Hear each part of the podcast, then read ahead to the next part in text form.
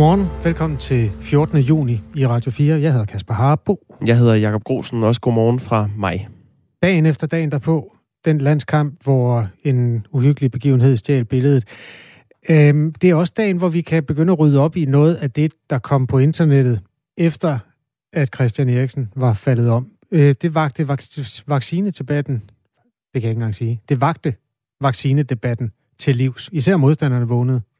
Ja, øh, pludselig havde man en øh, begivenhed, som kunne være løftestang for lige at øh, tale om, hvorvidt der kan være bivirkninger ved coronavaccinen, som kan føre til, at man kunne få et hjertestop.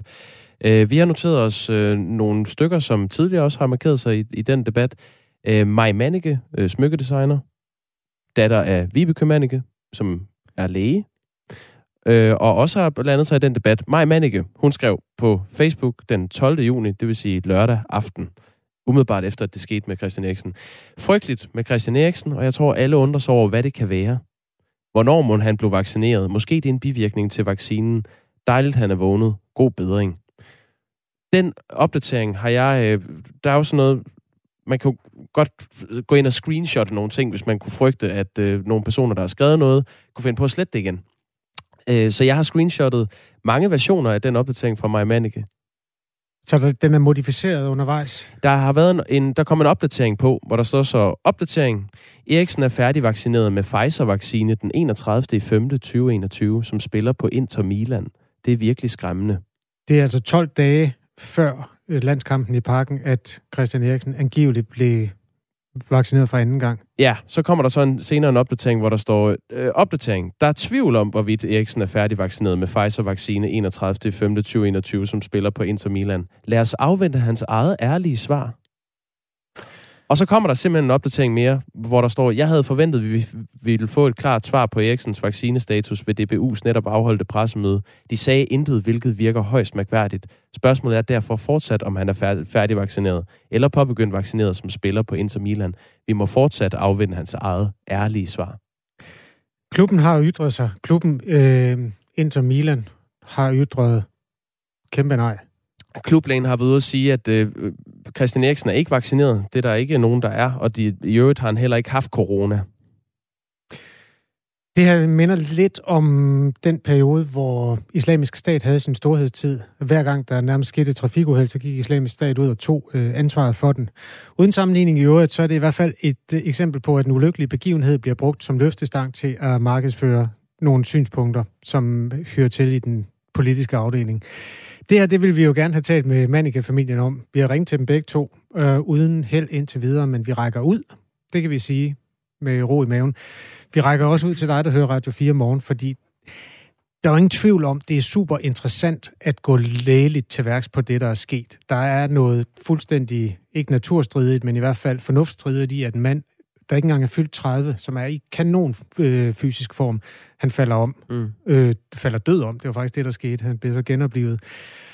Og øh, ja, i sportens historie, når man kigger baglæns, så er der jo masser af eksempler på, at øh, der kan være gået et eller andet galt. Altså, der var en periode, og det her det er virkelig uden sammenligning i øvrigt, men der var en periode i slutningen af 80'erne og starten af 90'erne, hvor der døde omkring 20 unge mænd i deres seng om natten, hollændere og belgier primært, cykelryttere, som efterfølgende viste sig, at øh, de fleste af dem havde eksperimenteret med noget.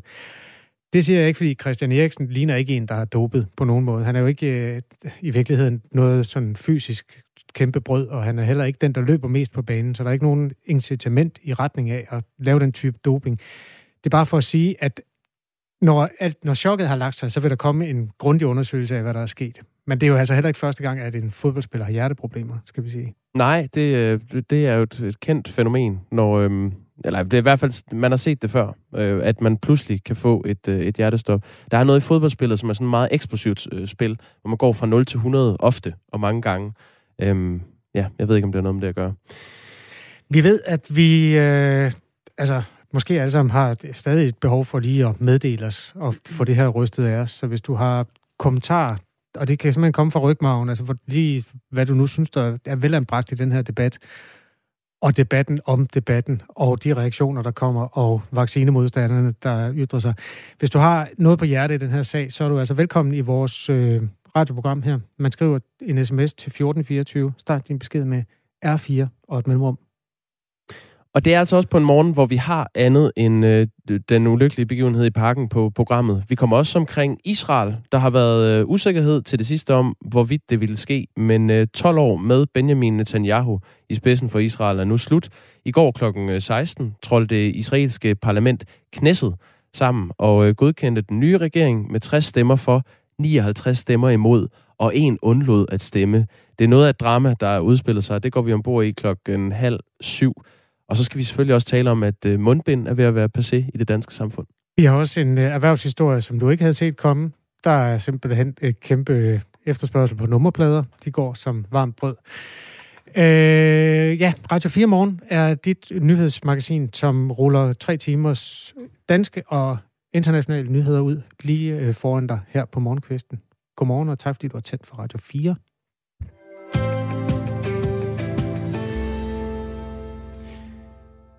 Vi skal lige have ryddet op i øh, efterdønningerne af den ulykkelige begivenhed lørdag aften, hvor Christian Eriksen kollapsede under Danmarks første EM-fodboldkamp mod Finland.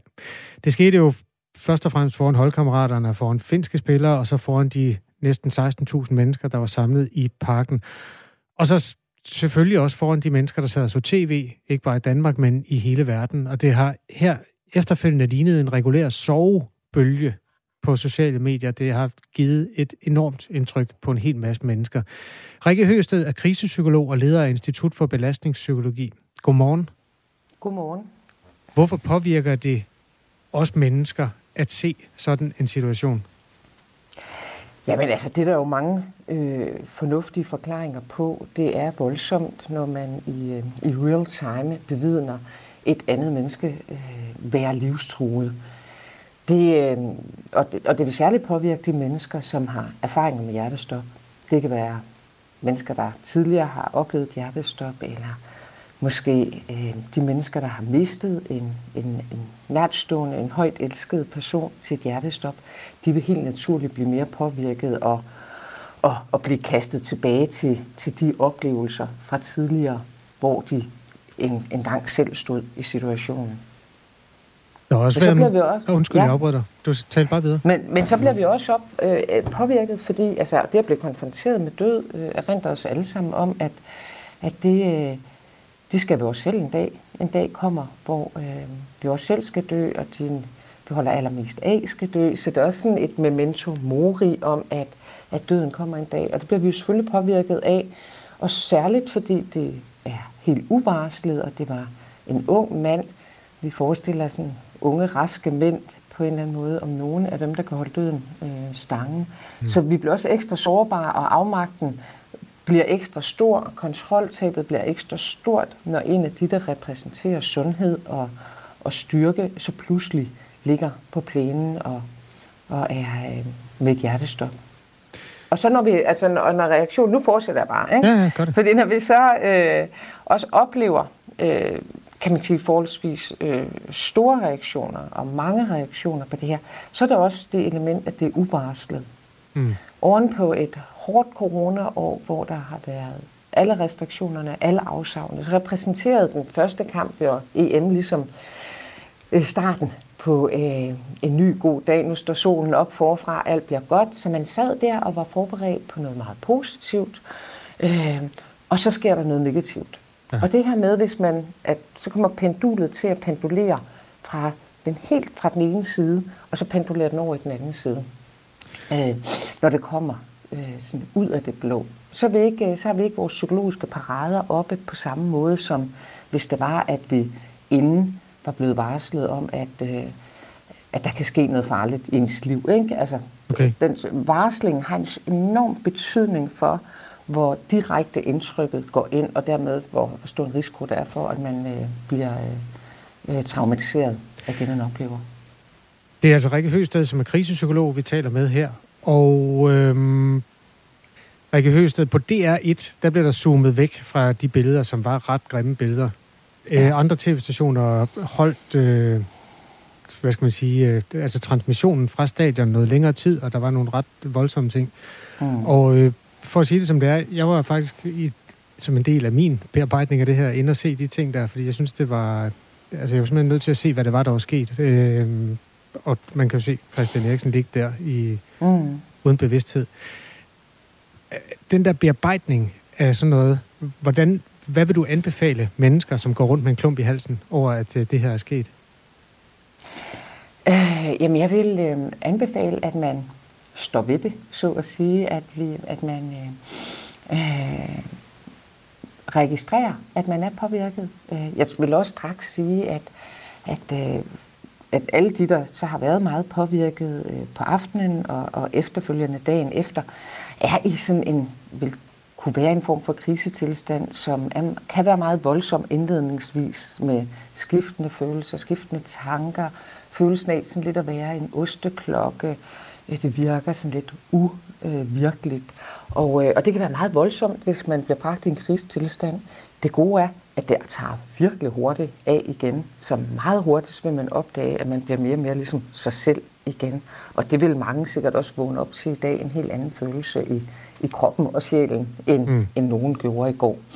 Det man kan gøre, hvis det ikke sådan begynder at aftage, øh, det er, at, øh, at man fortalt, altså registreret, det er sådan, det er, og så ærligt, øh, er ærlig omkring det over for sig selv og over for andre, øh, og fortalt om, at, øh, at man godt nok blev påvirket og godt nok blev forskrækket. Og der er en lang række mennesker, som jeg sagde indledningsvis, som øh, øh, har været risiko for at blive retraumatiseret, fordi at de faktisk engang selv har mistet til hjertestop. Det har jeg allerede fået en del henvendelser på, hvordan ja. det sådan rusker op i fortiden. Og der er kuren altså, at man øh, ser det i øjnene, fortæller med andre om det. Øh, selvfølgelig forlængelse af den person, man er. Nogle er meget udadvendte, nogle er, er indadvendte og mere ordknappe. Så man skal selvfølgelig bare blive ved med at være den, man, man, man plejer at være. Mm. Øh, men alligevel række ud og fortælle nogle andre om det. Og hvis det er, at det så ikke aftager her i løbet af et par dage, helt naturligt, som det almindeligvis gør, så er det selvfølgelig vigtigt, at man øh, tager det alvorligt og får øh, opsøgt noget hjælp. Det kan være... Øh, det ved folk selv, hvem, hvem de har i deres netværk, der kan være brugt til at hjælpe en god ven. Men selvfølgelig kan det også være professionelle. Nogle har en tilknytning til kirken og har måske behov for at tale med den præst, der i sin tid så begravet den elskede, man har mistet. Okay. Man kan tale med egen læge. Men man skal i hvert fald, hvis det ikke sådan aftager af sig selv i løbet af en uges tid, så skal man tage det alvorligt og gøre noget ved det, så man ikke, så man ikke kommer til at bøvle med det i længere tid, end nødvendigt er. Tak skal du have, Rikke Hødsted, for de gode råd. Jamen, velbekomme. Krisepsykolog og leder af Institut for Belastningspsykologi. Øhm, ja, den giver mange sms'er, den her. Det er ikke uh, sidste ord, der er sagt om Christian Eriksen. I dag må jeg lige varsle til dem, der synes, de har hørt meget om det allerede. Nej, fordi det er der også nogen, der synes, øhm, om det, øh, den bliver malket lidt for meget nu, er et øh, synspunkt, der blandt andet opstår i sms'en. Mariem skriver øh, hatten af til både landsholdet og til de finske spillere og fans. Det var rørende at se det sammenhold. Det må man bare øh, give hende ret i. Jeg har faktisk øh, den lyd, der, lad os lige prøve at høre det her, det er, hvor øh, de finske fans begynder at råbe Christian, der imens man står og venter på nyt om Christian Eriksen, og så responderer de danske fans Eriksen.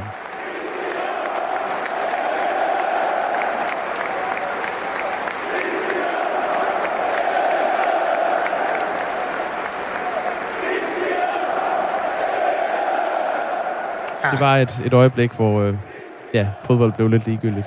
Ja, men det var... Altså, det er jo det, som voldsomme begivenheder også kan. Altså, der er noget øh, kort afstand mellem hjerterne lige pludselig. Det var, mm. det var enormt gribende. Meget, meget smukt.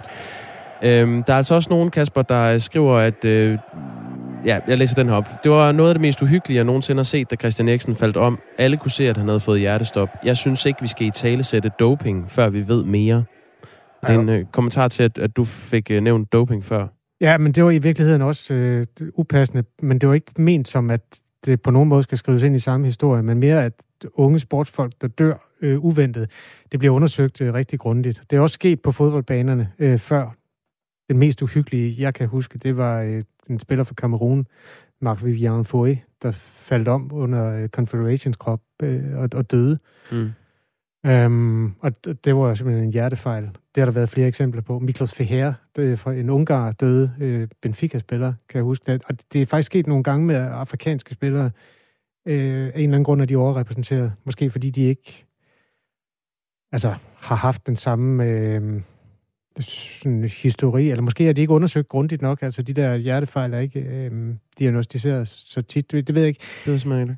Øh, har du set, øh, altså du, vi, vi talte om det, der også været en Ajax-spiller, ikke, der faldt om på et tidspunkt? Jo, det er et par år siden. Og så, så var der ham, øh, spanieren, som øh, den spanske spiller Andres Iniesta øh, sendte en hilsen til, da han scorede det afgørende mål ved VM-finalen i 2010.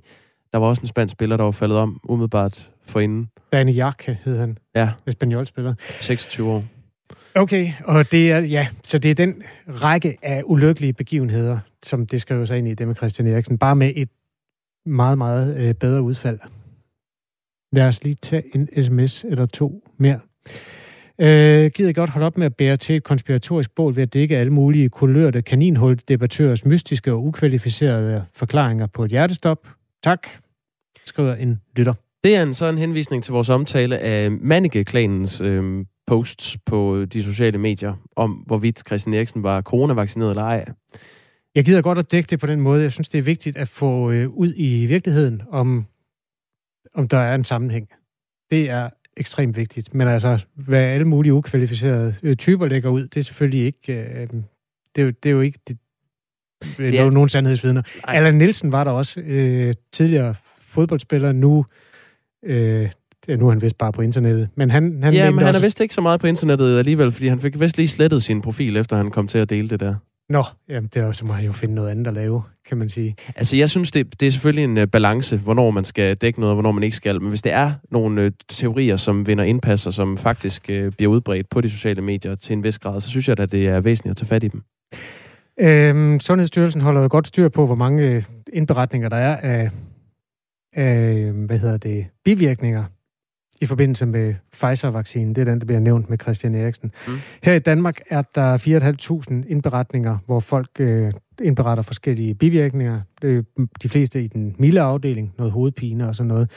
Der har været en undersøgelse af, at der har været 113 indberetninger om blodpropper, hvor Lægemiddelstyrelsen har kigget på dem og udelukket langt størstedelen. Der kan være fem, sådan ser det ud nu, øh, blodpropper indberettet i forbindelse med de her øh, blodpropper i armene og i lungerne. Men de menes ikke at komme fra selve vaccinen, men måske fra den måde, vaccinen er stukket ind på. Ja, nu er meldingen jo også, at, at man ikke har kunne finde en årsag til det hjertestop, så det må jo også betyde, at der ikke er nogen blodpropper. Øh, Christian Eriksen. Ved Christian Eriksen ja, betragtet. sandt. Øhm, er han i bedring? Øh, det håber jeg, det, det mener jeg, at jeg har hørt. Det hjælper da på følelserne, er der en lytter, der skriver. Ja, det er han. Ja. Det kom frem på pressemødet i går. Der kommer også et pressemøde i dag, hvor to af hans holdkammerater vil stille sig frem. Schmeichel øh, og uh, Breathwaite, og faktisk en tredje, som der ikke er kommet navn på endnu. Det er klokken 20 minutter i 10 ude ved træningsanlægget. Ja, Schmeichel må formodes at have talt med ham. Så den... Øh, ja, vi vender os mod den, når den når den kommer tilbage, den øh, historie. Og det mm. gør den altså flere gange i løbet af morgenen. Klokken er 6.23. Øh, Radio 4 Morgen tager imod sms'er på 1424. Og nu skal vi til noget helt andet.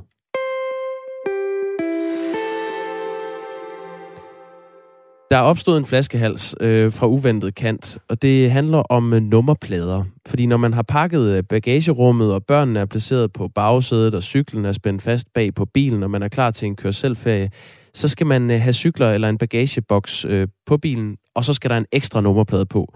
Men de her ekstra nummerplader, de er ret eftertragtede. Faktisk så meget, at der er ekstra lang ventetid på at få en nummerplade lige nu. Motorstyrelsen, som øh, står for at producere og levere ekstra nummerplader, oplever rekordstor efterspørgsel på nummerplader for tiden. Claus Holm er underdirektør i Motorstyrelsen. Godmorgen. Godmorgen. Hvad er udfordringerne ved den her store efterspørgsel på ekstra nummerplader? Jeg vil godt lige starte med at korrigere en lille ting. Du nævnte, at der er ekstra leveringstid i forhold til normalt, og, og, og det er der faktisk ikke. Der plejer altid at være en to til tre ugers leveringstid, og det er der også i den her tid. Også selvom det oplever ekstraordinært mange bestillinger. Øh, jamen... man, skal regne, man skal regne med, at det tager en to-tre uger, fra man, øh, fra man bestiller en motornummerplade, til man får den. Okay, så, så hvad er udfordringen egentlig ved, øh, at, at der er rekordstor efterspørgsel? Jamen, vi vil jo rigtig gerne hjælpe med at sende danskerne, bilisterne godt på ferie, og vi ved, at øh, bilisterne rigtig gerne vil være vil efterleve reglerne. Så udfordringen er sådan set bare, at man skal huske at bestille øh, nummerpladen en, to, tre uger før man skal bruge den. Og jeg kan sige, at, at det vi oplever, hvis vi skal have nogle tal på, det vi oplever, det er jo den ekstra interesse for, eller den store interesse for ekstra nummerplader.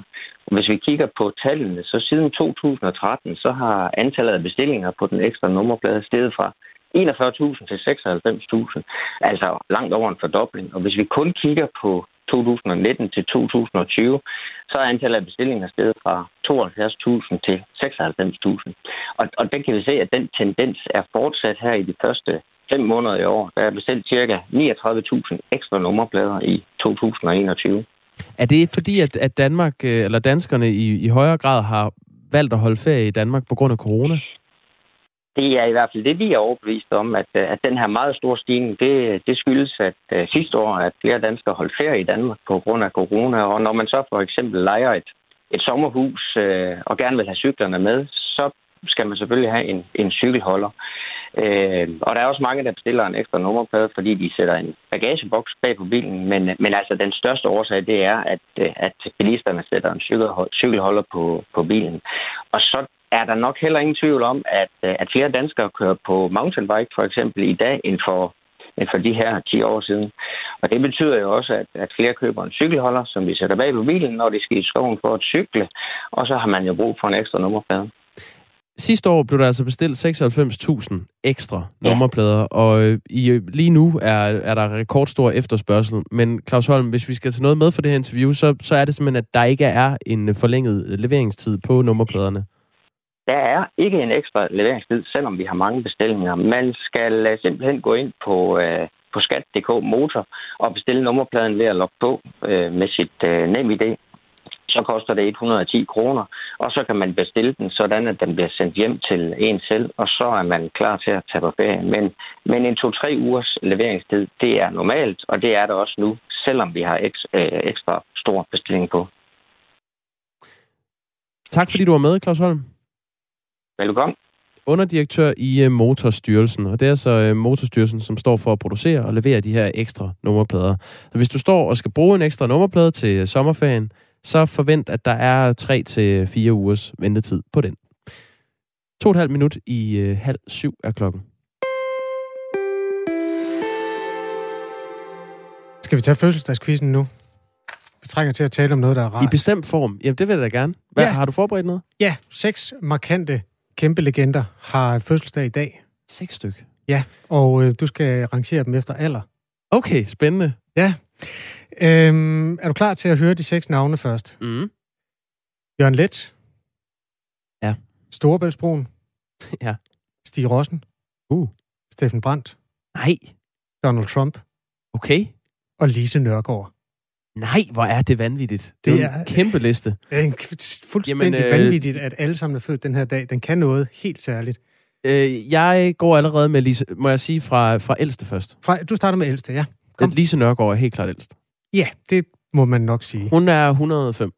Nej, det er først om et år. Nå, okay. 104. Okay. Og så tager vi Jørgen Let. Det er rigtigt. Jørgen Let. Han øh, fylder et par 80. Ja, 84. Ja. Øh, så har vi øh, Donald Trump. Det er sandt. Han er i 70'erne jo. Han er 73. 75. 75 er rigtigt. Er det rigtigt? Ja, det er rigtigt. Øh, så har vi... Øh, så er der Stig Rossen og... Øh, hvad var det? Storbæltsbroen? Og Steffen Brandt. Og Steffen Brandt. Steffen Brandt. Det, læg mærke til, at de starter med ST. Stig. De tre ST'er. Og Storebæltsbroen. Store legender. Ja. Jamen, øh, vi har øh, 30 sekunder her, Kasper. Så jeg siger Steffen Brandt.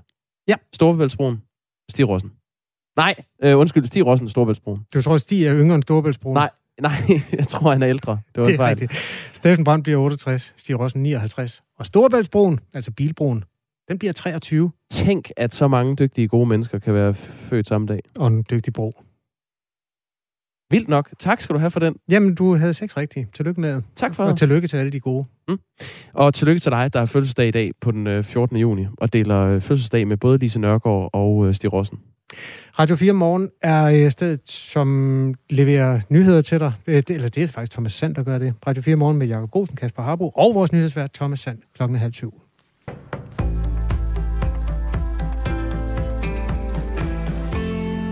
Når butikkerne rundt om i Danmark i dag slår dørene op for deres kunder, er det ikke længere et krav at skulle bære mundbind eller visir. Det er et resultat af den aftale, som et bredt politisk flertal blev enige om torsdag i sidste uge.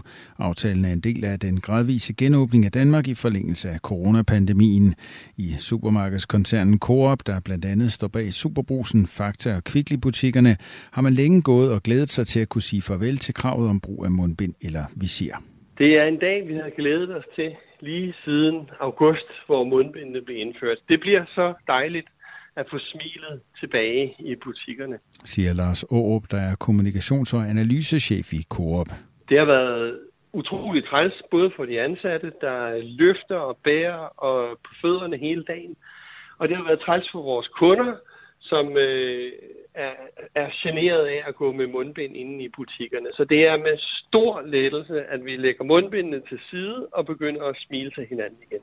Også i fagforeningen HK Handel, der blandt andet repræsenterer de butiksansatte, er der glæde over, at det ikke længere er et krav at bære mundbind eller visir. Skulle der være butiksansatte, som alligevel ønsker at fortsætte med at bruge enten mundbind eller visir, så er formand for HK Handel, Per Tønnesen, sikker på, at de nok skal få lov til det. Jamen det, det, der er vigtigt at huske på her, det er, at man ophæver et krav om mundbind. Man iværksætter ikke et forbud mod at bruge mundbind eller visir i, øh, i butikken.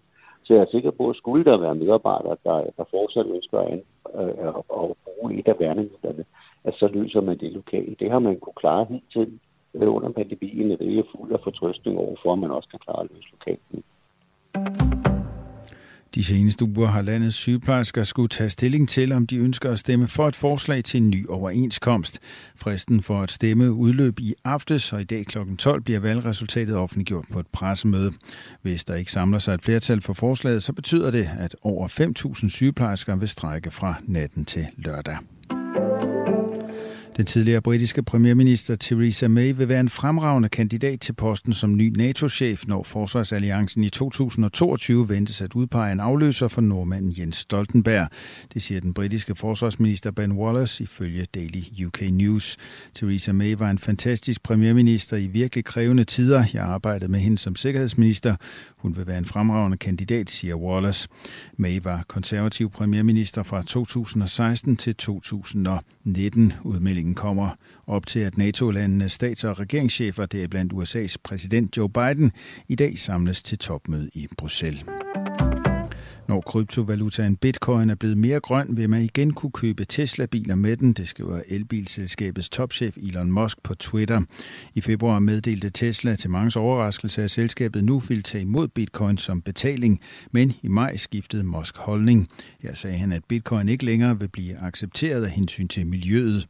Udvinding af bitcoin er baseret på komplicerede og tidskrævende dataprocesser, som kræver særligt udviklede dataanlæg i store centre, der forbruger store mængder energi.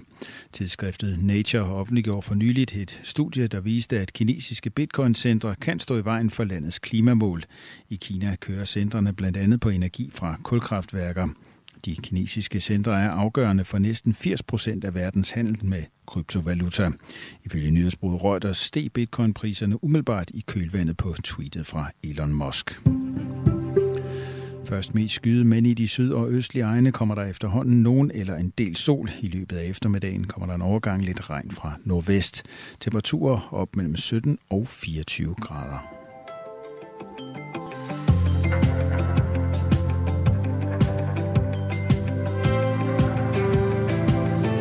14. juni. Godmorgen. Velkommen til Radio 4. Det er Thomas Sand, der leverer nyhederne hver gang klokken slår halv eller helt. Her sidder øh, ved siden af mig Jakob Grosen. Jeg hedder Kasper Harbo. Jeg bekræfter.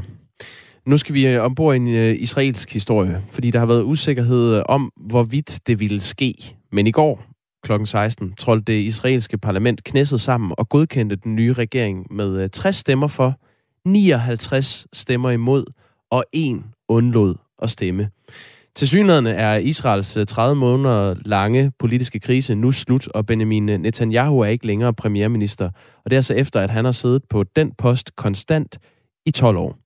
Hans Henrik Fafner er bosat i Tel Aviv og udlandsredaktør for POV International. Godmorgen. Ja, godmorgen. Hvordan er stemningen i Israel nu, det er sket, at Benjamin Netanyahu er blevet skiftet ud? Det er en meget blandet stemning. Der er selvfølgelig mange israelere, som er lettede over, at Netanyahu nu er et stykke fortid, i hvert fald indtil videre. Øh, der er andre, der er skeptiske, og mange, der er vrede. Øh, så der er mange, mange blandede, øh, blandede følelser og holdninger. Det vi så i går var også, at i Tel Aviv var der en kæmpe folkefest på Rådhuspladsen i glæde over, at landet nu har fået en ny premierminister. Og i Jerusalem ved grædemuren, jødernes helligste sted, der så vi faktisk det stik modsatte. En kæmpe stor øh, masse bøn, hvor, hvor ortodoxe de bad for, at den her regering må være et overstået kapitel meget, meget snart. Og det øh, synes jeg viser meget godt, hvor splittet det her land er, og hvor stor en øh, opgave den her nye regering nu får. Øh, der er dybe øh, konflikter i det israelske samfund. Under Gaza-krigen, der reagerede de israelske araber meget voldsomt. Der er en tillidskrise der, og øh, så er der hele det store problem med den ultraortodoxe befolkning. For første gang i mange, mange år har Israel nu en regering helt uden ultraortodox deltagelse, og det er altså også en kæmpe udfordring, som den her regering kommer til at stå overfor. Var det det, der gjorde, at uh, særligt de ortodoxe jøder er kede af, af Benjamin Netanyahus regerings øh, afgang? Ja, de har jo i, i overvis været fast partner for øh, Netanyahu og hans skiftende regeringer, øh, og de er nu øh, for første gang i mange, mange år, eller næsten nogensinde blevet sat uden for spillet, og det vil sige, at de, er, de, de, de står helt åbent nu, og, og der kommer en regering nu med stærke sekulære kræfter, som vil øh, beskære deres indflydelse drastisk, så selvfølgelig er de bekymrede. Hvad er det for en regering, Israel nu har fået? Ja, for det første er det en ung regering, øh, og det, der er mange kvinder, øh, kvindelige ministre, og det er jo et øh, utroligt positivt træk, kan man sige. Det er en god start. Men øh, når det er sagt, så er det jo altså også en regering, der spænder politisk meget, meget vidt. Altså det går jo fra øh, statsminister eller præ- premierministeren Naftali Bennett, som er højre radikal på mange måder, i hvert fald konservativ nationalist, og så er, er den, den, øh, den øh, altså venstrefløjen er også med. Og øh, det eneste, de sådan set kan blive enige om, det har været øh, modstanden mod øh, Netanyahu. Øh, så det, som de nu skal i gang med, det er at finde ud af, hvad de så kan blive enige om. Øh, der skal ryddes op i sundhedsvæsenet, øh, skolevæsenet trænger det, til det samme. Og så en sag, som, som nok kommer til at blive meget markant, det er øh, en befolkning på 200.000 beduiner, som lever nede i Nækkevørkenen, som i mange år har været øh, voldsomt tilsidesat. De skal altså også have et socialt løft. Øh, og det er blandt andet øh, noget, vi ser ved, at øh, Mansour Abbas, som øh, står for det lille parti Raam, som egentlig repræsenterer konservativ islamisme, nu er med i samarbejdet. Han er ikke minister, men han er samarbejdspartner, og det er også et, et, et kæmpestort skift. Han holdt jo sin tale i Knesset i går på arabisk, hvilket også øh, var, var, var usædvanligt. Så den her regering står for mange, mange usædvanlige ting, og øh, hvis det her lykkes, så kan det altså gå hen og blive historisk, fordi det er et øh, stort skift, de repræsenterer. Og det er jo så det interessante. Tror du, at den her regering kan øh, skabe sådan politisk stabilitet i Israel? Jamen, det er jo det, er jo det, øh, det, er jo det man, man nu står og tænker på. Hvad, hvad, hvad er det egentlig, der vil komme til at ske? Og øh, for nu at komme med et konkret eksempel, der er en, en, en, en markant sag, som i netop disse dage er dukket op. En ny bosætter udpost på Vestbreden. Udposterne, det er de helt små. Dem, hvor en gruppe unge bosættere placerer sig på toppen af, af en bakke. Øh, og, og det er ulovligt ifølge både internationale konventioner og israelsk lovgivning, og den skal selvfølgelig flyttes. Øh, men det bliver altså så, skal vi sige, den første styrkeprøve for den her regering, fordi Bennett, øh, premierministeren, han er jo selv tidligere formand for bosætterbevægelsen, har et meget godt forhold til den del af det israelske spektrum, hvorimod øh, Mansour Abbas og Venstrefløjen jo selvfølgelig vil insistere på, at den her udpost skal flyttes lige med det samme. Mm. Så der er altså simpelthen optræk til konflikt i regeringen lige fra start, lige fra dag et. Og det er, jo, og det, er det, der, der, der, der, der får mange til at sige, jamen holder det her? Og det bliver jo det, det, det, bliver det, det, det virkelig interessante her i, i, i øh, fremtiden. Hvad øh, forventes der at ske med øh, valgets taber, Benjamin Netanyahu, nu? Det? Ja, indtil videre er han jo nu formand for, for, øh, for oppositionen, øh, og øh, den plads øh, forventes han at indtage. Men nu er han jo ikke længere premierminister, det vil sige, at han har ikke længere sin øh, parlamentariske immunitet, der kan dække ham imod den retssag, som venter. Altså han er korruptionsanklaget.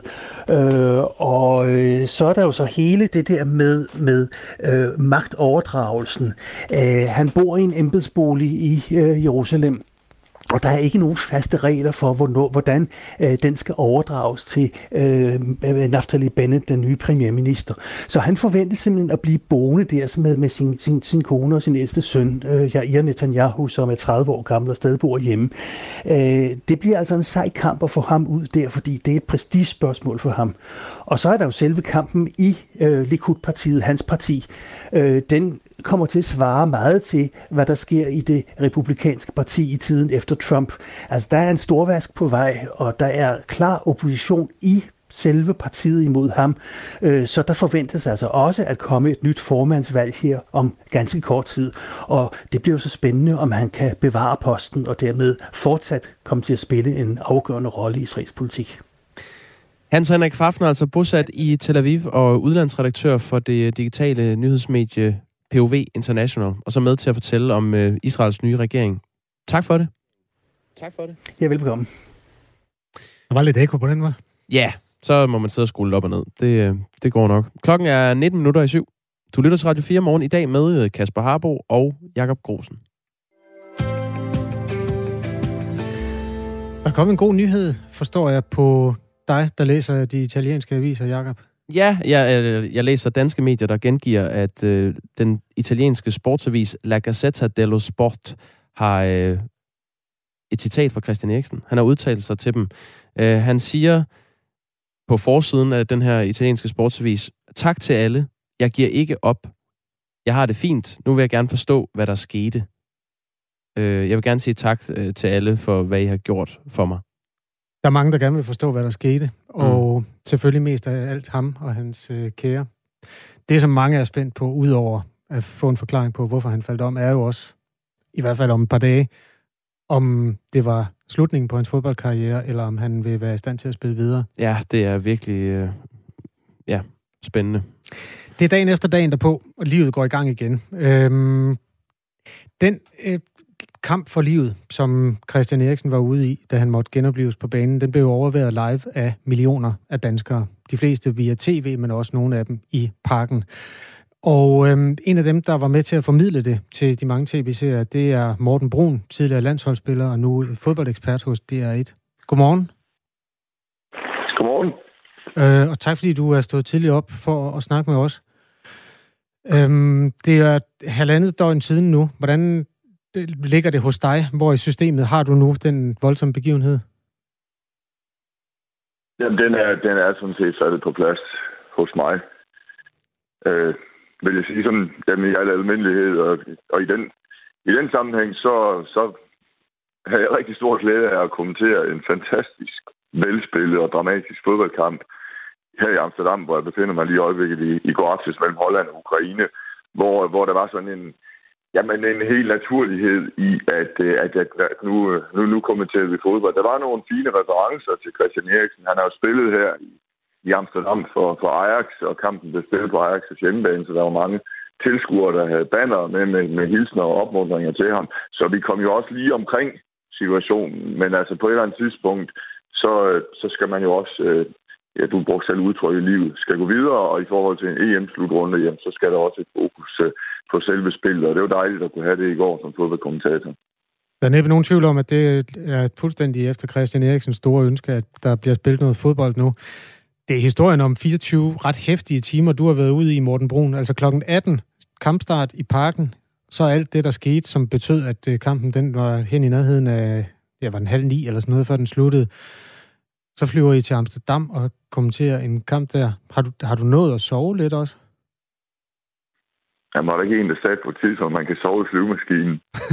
det ved jeg ikke. Det kan da godt være. Der er jo ja, kun en time. Ja, men, det, ja, men der er jo der er selvfølgelig... Altså, der er der mange, der har spurgt mig til, til den der oplevelse i parken. Og, og jeg, jeg tror, noget af det, som, som gør, at øh, også at, at jeg mindst stod på, at øh, jeg synes egentlig ikke, det var så svært at være nødt. At, øh, jeg, jeg registrerer selvfølgelig, at, øh, at, at, han, at han faldt om, og jeg tror, jeg bruger udtrykket snublede han lige da han gjorde det, men øh, det er sådan som fodboldkommentator, altså enten så kigger du ud over banen, og der, der var vi langt væk, fordi det var den modsatte, det modsatte hjørne af, hvor vi sad. Eller også så kigger du på din monitor, altså det, det, så kigger man på tv-billederne, og nogle af dem nåede vel at blive at være en lille smule voldsomme, og der var i hvert fald øh, de tilskuere, der sad, der sad tæt på, og selvfølgelig spillerne, som så Christian Eriksen, øh, var jo, var jo chokeret, men altså, jeg så egentlig ikke noget. Altså, der var ikke noget, jeg har ikke nogen billeder inden for, inde i mit hoved af, af en mand, der kæmper, der kæmper for sit liv. Så, øh, og så er der jo også noget, øh, jamen noget fagligt, noget professionelt, som, som tager over i sådan en situation. Så øh,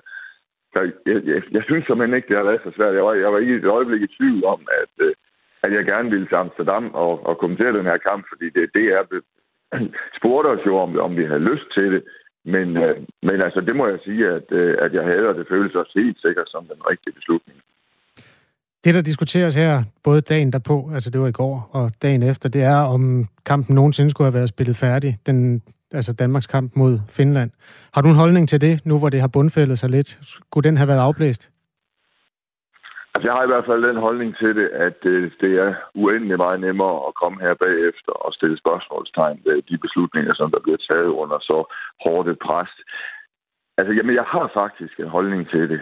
Så jeg synes nogle gange, at øh, professionelle fodboldspillere bliver behandlet som børn i forhold til, at øh, de bliver sådan nærmest øh, de, de, via den her agentverden og og der, der er rigtig mange beslutninger, som, som de på en eller anden måde ikke skal tage. Altså nogle gange, nogle gange skal voksne mænd og kvinder også tage ansvar for deres eget liv, så jeg kunne godt lide tanken om, at det blev lagt ud til spillerne. Og så kan man sige, jamen var de ikke under et, øh, under et stort pres. Altså hvis UEFA bare havde gennemtrumfet et eller andet, så havde overskrifterne måske været, at så sidder der nogle mænd i slips der og bestemmer, hvad, hvor, hvornår spillerne skal spille. Men jeg kan også fornemme, øh, forstå på Kasper Julemand, at hvor, hvor stor tvivlen har været, fordi i første omgang, så, så sagde han jo efter kampen, at de følte, da de sad der, at lad os få det overstået.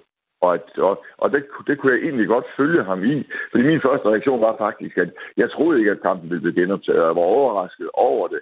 Men jeg kunne egentlig godt se pointen, da Kasper Juhlmann så gjorde redde for, at jamen, hvad, hvad skulle de have brugt den ventetid til, hvis nu kampen var blevet, blevet udsat til dagen efter, eller dagen efter igen. Og jeg har godt set, at der er nogen, der har over, at hvorfor kunne den ikke blive udsat øh, to dage, og og alle de her slags, den her slags ting. Og jeg kan også se, at Kasper Julemand nu på pressemødet i går det udtryk for, at nej, de skulle måske ikke have spillet den her, spillet resten af kampen. Jeg tror, uanset om den kamp er blevet spillet øh, i umiddelbar forlængelse af, af, af episoden med, med af begivenheden med Christian Erik, eller om den var blevet spillet i går kl. 12 eller i dag kl. 15, så havde det været noget, som i princippet bare skulle, skulle overstås. Mm.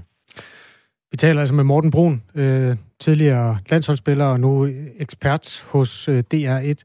Jakob, har du klippet der med, med Julemand? Du sagde, du havde noget af det fra pressemødet. Ja, det var fra pressemødet i går. Øh, DBU holdt et pressemøde kl. 15 i går, og øh, der sagde øh, Kasper Julemand, udover at han sagde, at han var glad for at, øh, at se Christian smile igen, og det var det, der gjorde det for ham, så sagde han sådan her om det med at spille kampen færdig.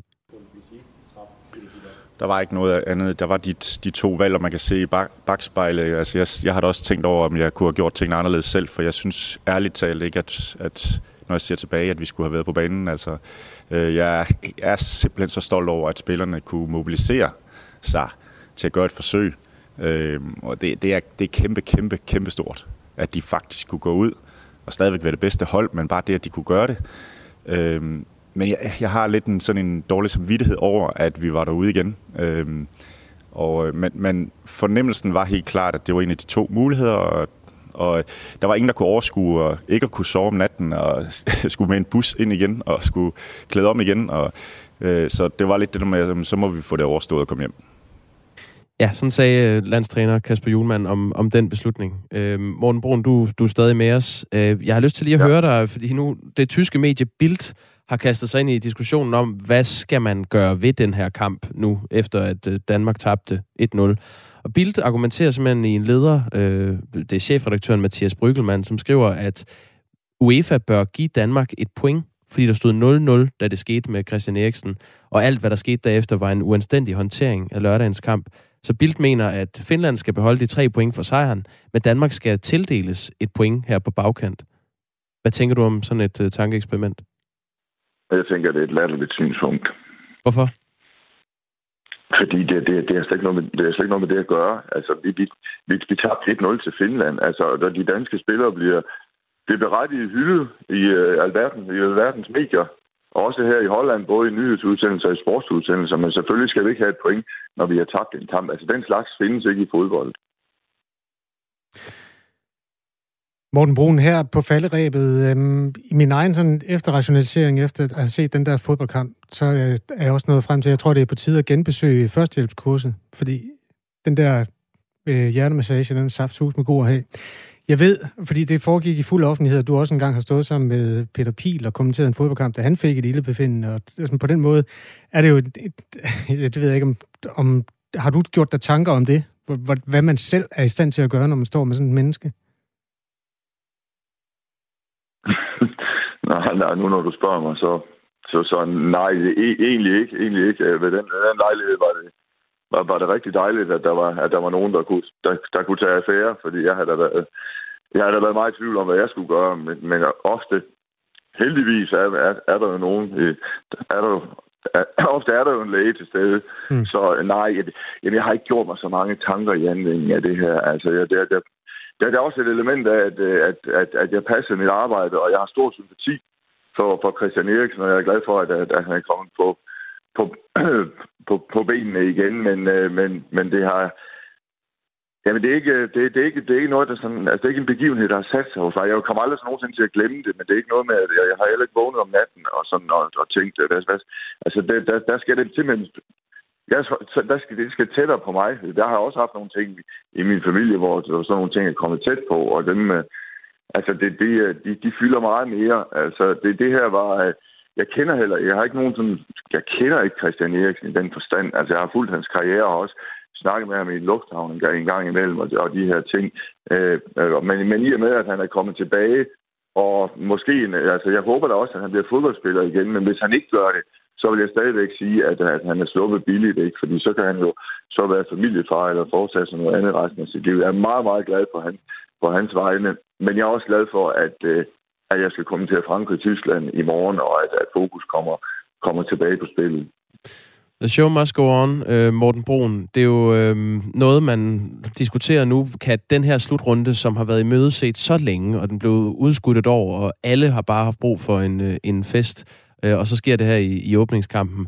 Man har jo diskuteret, om det kommer til at kaste en for stor skygge over EM, sådan med, set med danske briller, om det er noget, man kan komme tilbage og nyde det som en slutrunde betragtet.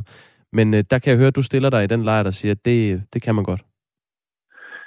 Ja, men det er jo, det er jo som med, med, med min forstand, at jeg siger det, for jeg kan da være meget i tvivl med mit hjerte, om, om det nu kan lade sig gøre for Danmark at ryste den her episode af sig, fordi altså, der, bare, der skete jo noget, også der er gamle nok til at huske 1984, øh, hvor Danmark for første gang øh, deltager i en EM-slutrunde i Frankrig. Der brækker vores øh, store stjernespiller på, på, den, på, på den tid, Allan Simonsen jo benet i åbningskampen. Men der er jo stor, der er stor forskel, trods alt, på et, et, et, et brækket ben og så et uh, ildebefindelse som det Christian Eriksen var udsat for. Men der kom Danmark jo faktisk tilbage og fik gjorde slutrunden til en, til en kæmpe stor fest. Så jeg vil sige, jeg har ikke, op, jeg har ikke opgivet, at, øh, at, øh, at, at turneringen kan blive en fest for os. Det, det kræver så, at vi, at vi leverer nogle resultater i de to næste kampe og, og går videre. Men, men det, vil, det vil nok altid være sådan, at, øh, at episoden med Christian Eriksen vil være den episode, der står stærkest for i hvert fald de danske de danske fodboldtilhængere fra EM-slutrunden i år. Øhm, ja, jeg tager lige på sms'er her. Er vi alle sammen lidt sure på UEFA, fordi vi havde tabt? Hvis vi havde vundet, så ville vi jo ikke klage. Spillerne tog et valg, og vi skal stå ved det, skriver en lytter, der underskriver sig danskeren. Øh, kunne det tænkes, at spillerne ville kæmpe for Eriksen? Er der en, der spørger. Og øh, så er der en, der mener, at nu går livet videre. Nu har vi svælget nok i det. Det var synspunkterne. Øhm, vil du være, lad os se noget fodbold i stedet for, øh, Morten Brun. God arbejdsløst. Tak i lige måde. Og tak fordi du vil øh, hjælpe os med at, at efterbearbejde det, der skete lørdag aften. Det var så lidt. Øhm, det, det var altså ordene fra Amsterdam befinder han sig i nu, Morten Brun, hvor Mm. han kommenterede fodbold i aftes. Ham hører vi strålende øh, kamp. heldigvis øh, mere fra senere på det her EM. Der blev også på pressemødet i går, der indledte Peter Møller, der er fodbolddirektør i Dansk Boldspil Union. Han indledte også med den der Allan Simonsen-reference. Ved EM i 1984 var Danmarks første store slutrunde i mange år. Og da den ultimative stjernespiller så han kurede ind i en franskmand og, og brækkede skinnebenet, så troede alle jo, det var slut. Den kamp tabte Danmark også 1-0. Så siger Peter Møller på pressemødet, og i den efterfølgende kamp, der går Danmark ud og banker Belgien. Du har lavet et faktatjek. Nej, men det kunne jeg da huske. Alle, der var øh, drenge på det tidspunkt, kan da huske de tre kampe der. Danmark mødte ikke Belgien i den efterfølgende kamp. Danmark mødte Jugoslavien. Jugoslavien. Og hvordan gik det? 5-0. Ja, ja. Strålende kamp. Og så, så kom den, Belgien. den sidste puljekamp, ja, der skulle Danmark have mindst uafgjort, og var nede med 0-2, men vandt med 3-2 over Belgien. Nu du øh, nævner Belgien, vi kan lige så godt gå hele vejen rundt om øh, den her begivenhed. Øh, den belgiske stjerneangriber Romelu Lukaku scorede to scoringer i kampen, der kom efter i kølvandet på den danske kamp mod Finland. Der spillede Belgien mod Rusland, og øh, da øh, Lukaku, som er øh, holdkammerat med Christian Eriksen i øh, Inter, scorede til 1-0, så øh, løb han hen til kameraet, og så sagde han sådan her.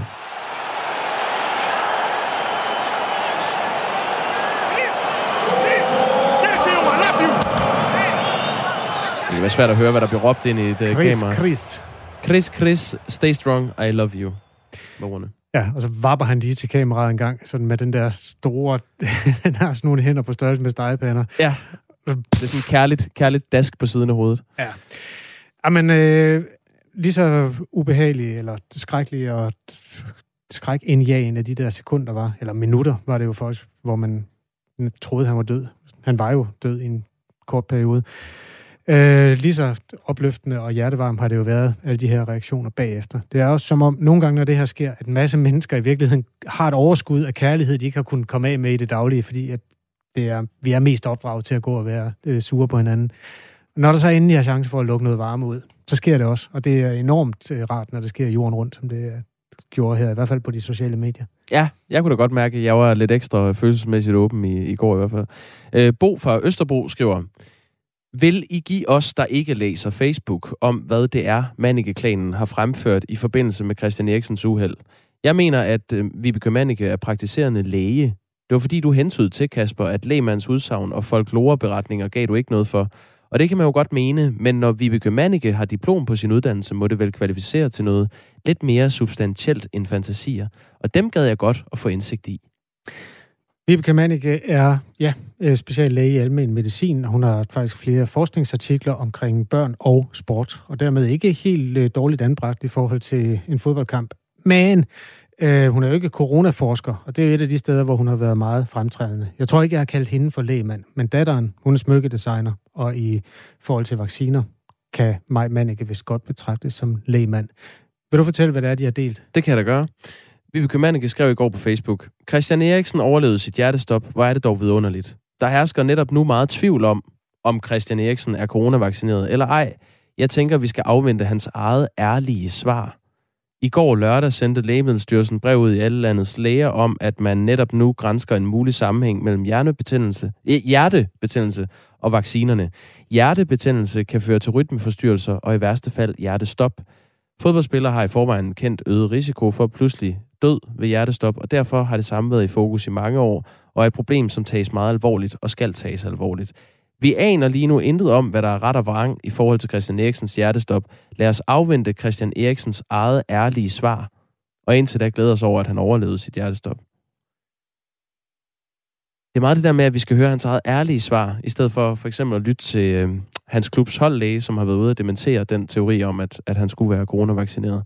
Og jeg, lagde bare mærke til, at der så for eksempel er en bruger, der kommenterer, hun hedder fru Hansen, der kommenterer, kære Vibeke, Christian Eriksen er ikke blevet vaccineret mod covid-19, så årsagen til hans hjertestop skal findes andet sted. Og så skriver Vibeke Mannicke, send gerne dokumentationen, fru Hansen. Det kunne være en dokumentation, der bestod i en artikel, hvor Inter Milanos læge udtaler, at Christian Eriksen ikke er vaccineret. Ja, det er i hvert fald et omvendt bevisbyrde. Nu skal man dokumentere, at han ikke er vaccineret. Man kunne også bede Vibeke Mannicke om at dokumentere, at han er. Og dokumentere sammenhængen. Det er så næste skridt. Øhm, det er brandvarmt og super betændt, det her emne, og man kunne også godt mærke det på pressemødet i går, hvor DBU's læge, Morten Bosen, altså han er en mand af få ord, en stille og rolig mand, der koncentrerer sig om at gøre, hvad læger er sat til verden øh, mm. for at gøre. Han øh, gik overhovedet ikke ind i den der diskussion om, hvorvidt øh, Christian Eriksen var vaccineret eller ej, men der blev sagt, klubben har udtalt sig om den sag. Det var meget elegant. Fra i dag er det slut med mundbind næsten overalt, men du skal stadig have det på på hospitalet. Den historie går vi ombord i på den anden side af de nyheder, der kommer nu, for det klokken blevet syv.